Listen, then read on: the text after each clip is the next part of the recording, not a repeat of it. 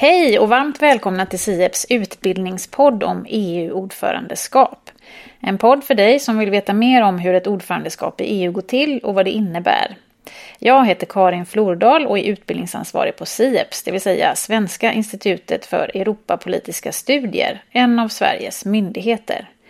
Utöver att ta fram forskningsbaserade analyser av aktuell EU-politik för beslutsfattare på olika nivåer i Sverige så har vi också ett uppdrag att ta fram relevanta EU-utbildningar.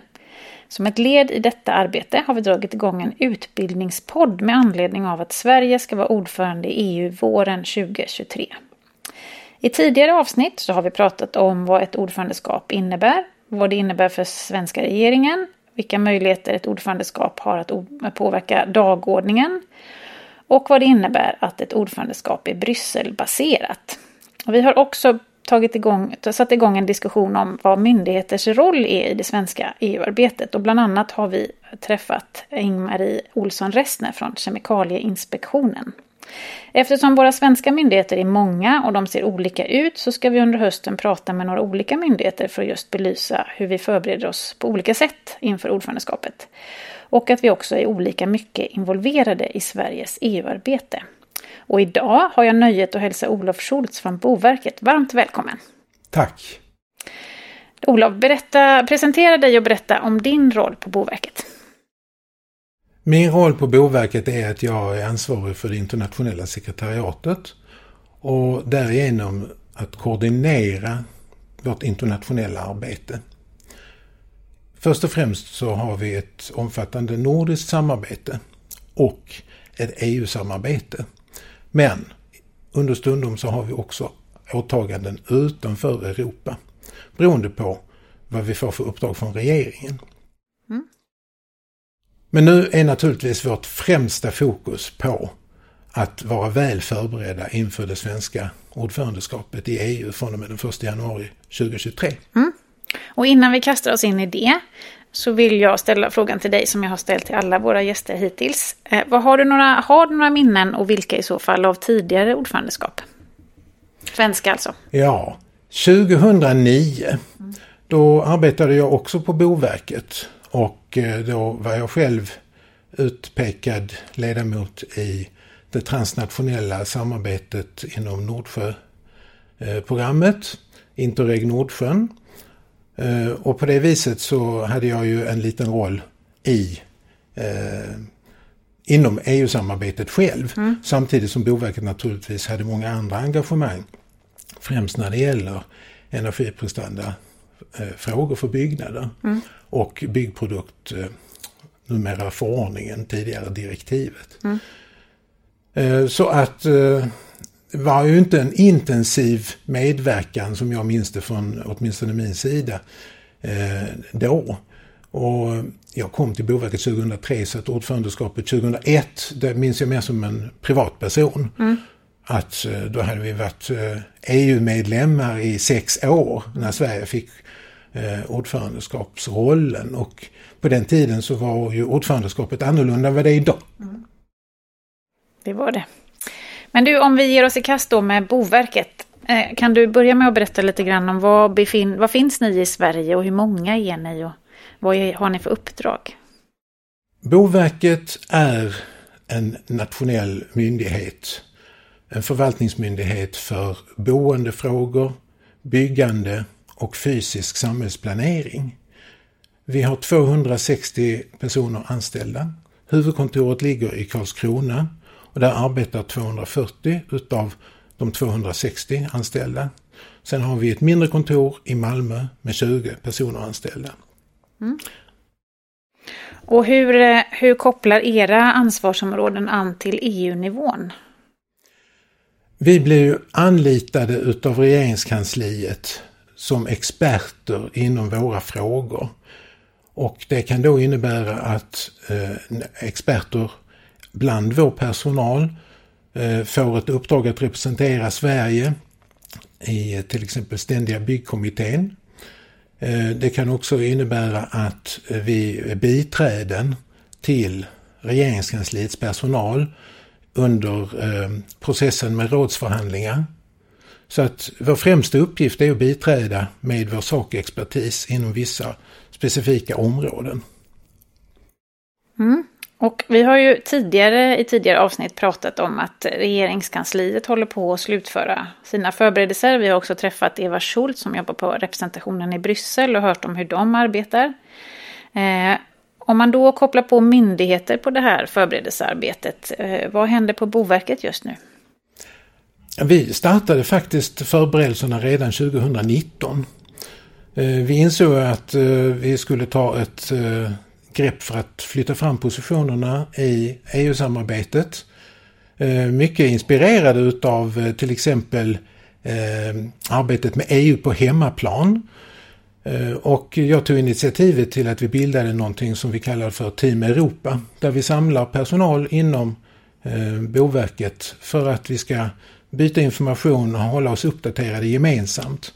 Och vi tog fram en liten översikt som vi publicerade eh, på våren 2020 som visade våra inblickar i EU-samarbetet och vad vi då har för roll i det. Sedan så har vi under 2021 tagit kontakt med er här på SIEPS och påbörjat att i lite försiktig skala förra året delta i onlinekurser för att bygga upp kompetensen eh, inom vår personal mm. ytterligare. Och i år så har vi tagit ytterligare ett kliv framåt då att vi har eh, nischat och i samråd med er här hittat fina utbildningar som både har varit på plats eh, på vårt kontor i Karlskrona och också online och som är anpassade då utbildningarna efter våra behov. Mm. Och jag är glad över att kunna säga att mina kollegor har uppskattat de här kurserna väldigt mycket. Mm. Och jag också. Mm. Och jag har hört, eh, nu har man pratat med olika myndigheter om deras eh, förberedelser och att det i, för vissa myndigheter primärt handlar om att ingå i olika team kring olika lagstiftningsakter till exempel, tillsammans med sitt departement, medan andra Eh, kanske fokuserar mer på att anordna konferenser och så här. Vad, vad blir er roll? Vi har tre utpekade huvuduppgifter. Eh, regeringskansliet använder oss som expertis då inom byggproduktförordningen som är under pågående revision. Eh, och där, det är en eh, process som inte bara rör själva förordningen i sig utan också med andra lagar som eh, samhör. Det brukar man då kalla för akin till byggproduktförordningen. Så det är det som är kanske allra mest fokus på inom vår verksamhet. Och där är det ju då personal från Finansdepartementet som deltar i rådsförhandlingarna och våra experter biträder dem. Mm. Det andra fokusområdet det är eh, energiprestandadirektivet för byggnader. Som också är under revidering. Och där har vi också expertis som biträder infrastrukturdepartementet där ju frågorna om energi ligger. Men självklart också i samråd med våra eh, kontaktpersoner på Finansdepartementet. Så att eh, det är på motsvarande sätt inom energiprestandadirektivet för byggnader. Det är de två eh, sakområdena som eh, Boverket biträder med sakkompetens när det gäller själva rådsförhandlingarna i ministerrådet. Mm. Sen har vi en tredje uppgift och det är att vi ska anordna en konferens benämnt Den gröna staden 14 till 15 juni i Malmö. Och då är det 140 personer som ska bjudas in eh, det ska vara riktade inbjudningar men vi har förhoppningen också att kunna livestreama konferensen så att den kan nås eh, av fler. Eller nå fler. Och det handlar väldigt mycket om hur den gröna omställningen ska kunna gå till på ett sätt som både är inkluderande och balanserat. Men som inte eh, då vi ska hålla på policynivå utan vi ska försöka lyfta fram framkantslösningar, intressanta projekt så att deltagare kan ta med sig någonting operativt mm. hem. Och de som ska bjudas in till den här konferensen, är det tjänstepersoner likt ni er som jobbar på Boverket eller är, vad är, vem är den tänkta målgruppen? Ja, nu har jag glädjen över att uh, få hålla i det här och jag har precis idag varit på Sveriges kommuner och regioner och diskuterat frågan och vi har ju samråd med många och det vi gör detta i samarbete med Movium. Uh, mark och vatten i urban miljö inom Sveriges lantbruksuniversitet. Mm. Så att det är ett delat regeringsuppdrag till Boverket och Movium. Mm. Så att vi håller på att diskutera, eh, om vi tänker oss 140 personer delat med 27 mm. medlemsstater, mm. så är det ju i snitt fem personer per land och nu kanske det inte blir riktigt eh, samma utfall från alla länder men det innebär ju ändå en ganska snäv begränsning. Vi tänker oss att det ska vara en bredd dock i målgruppen så att det både ska vara beslutsfattare antingen på hög tjänstemannanivå eller politisk nivå i större städer. Att det ska vara representanter från akademin. Att det ska vara deltagande från näringslivet så att det inte bara är offentlig sektor. Och även organisationer. Vi vill göra det så brett som möjligt utan att förlora Alltså spetsen ska ligga i att det ska vara så konkret och projektorienterat som möjligt. Men vi vill nå ut till en lite bredare krets så att vi inte bara håller oss inom offentlig sektor och absolut inte på policynivå. Nej. Okej, och om man hoppar tillbaka lite till de här två uppdragen eh, där ni biträder Finansdepartementet och Infrastrukturdepartementet. Är det, eh, hur, hur är det strukturerat? Ingår ni i någon sorts förhandlingsteam eller hur, hur sker det förberedelsearbetet? Ja, först och främst så har ju regeringskansliet kallat de specifika personerna som är utsedda att bistå till eh, särskild utbildning. Eh, och eh, där har de då fått eh, bilda också sen arbetsgrupper tillsammans med eh, personal från regeringskansliet. Så att det är eh, skräddarsytt utifrån hur regeringskansliet vill ha det i de här två eh, konstellationerna. Men det handlar ju hela tiden om att eh, komma med eh, fakta och sakargument eh, inom eh, så att säga de specifika eh, frågorna som det handlar om. Och det innebär inte att vi själva från Boverket sköter några förhandlingar. Men vi har tränat på att förstå hur en förhandlingsprocess inom eh, ministerråd eh, går till så att vi inte ska så att säga eh, var annat än kunniga medhjälpare mm. till regeringskansliets personal. Och man vet ju heller aldrig riktigt vad som händer. Så att det är bra att ha en så bra och bred horisont som möjligt. Och eh, när man är på plats mm. i en situation mm. så vet man ju aldrig på vilket sätt man behöver hjälpa till. Men genom att ha en god förståelse för hur spelet ser ut så hoppas vi att vi ska kunna vara bra medhjälpare och assistenter till eh, regeringskansliets personal. Mm. Och det är också så att ni har biträtt regeringskansliet i de här frågorna redan tidigare? Ja, det, vi har en lång kontinuitet i de här frågorna. Det är ju inga nya frågor på något sätt för oss utan det är ju någonting som vi har arbetat med kontinuerligt under många år med. Och har du fått någon känsla nu av så här, ligger ni i fas med förberedelsearbetet? Känns medarbetarna trygga i vad de förväntas göra under våren?